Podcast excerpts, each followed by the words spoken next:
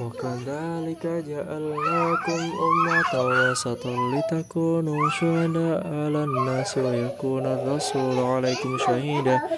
وما جعلنا القبلة التي كنت عليها إلا لنعلم من يتبع الرسول ممن ينقلب على عقبيه وإن كانت إلا على الذين وما كان الله ليضيع إن الله بالناس رؤوف الرحيم.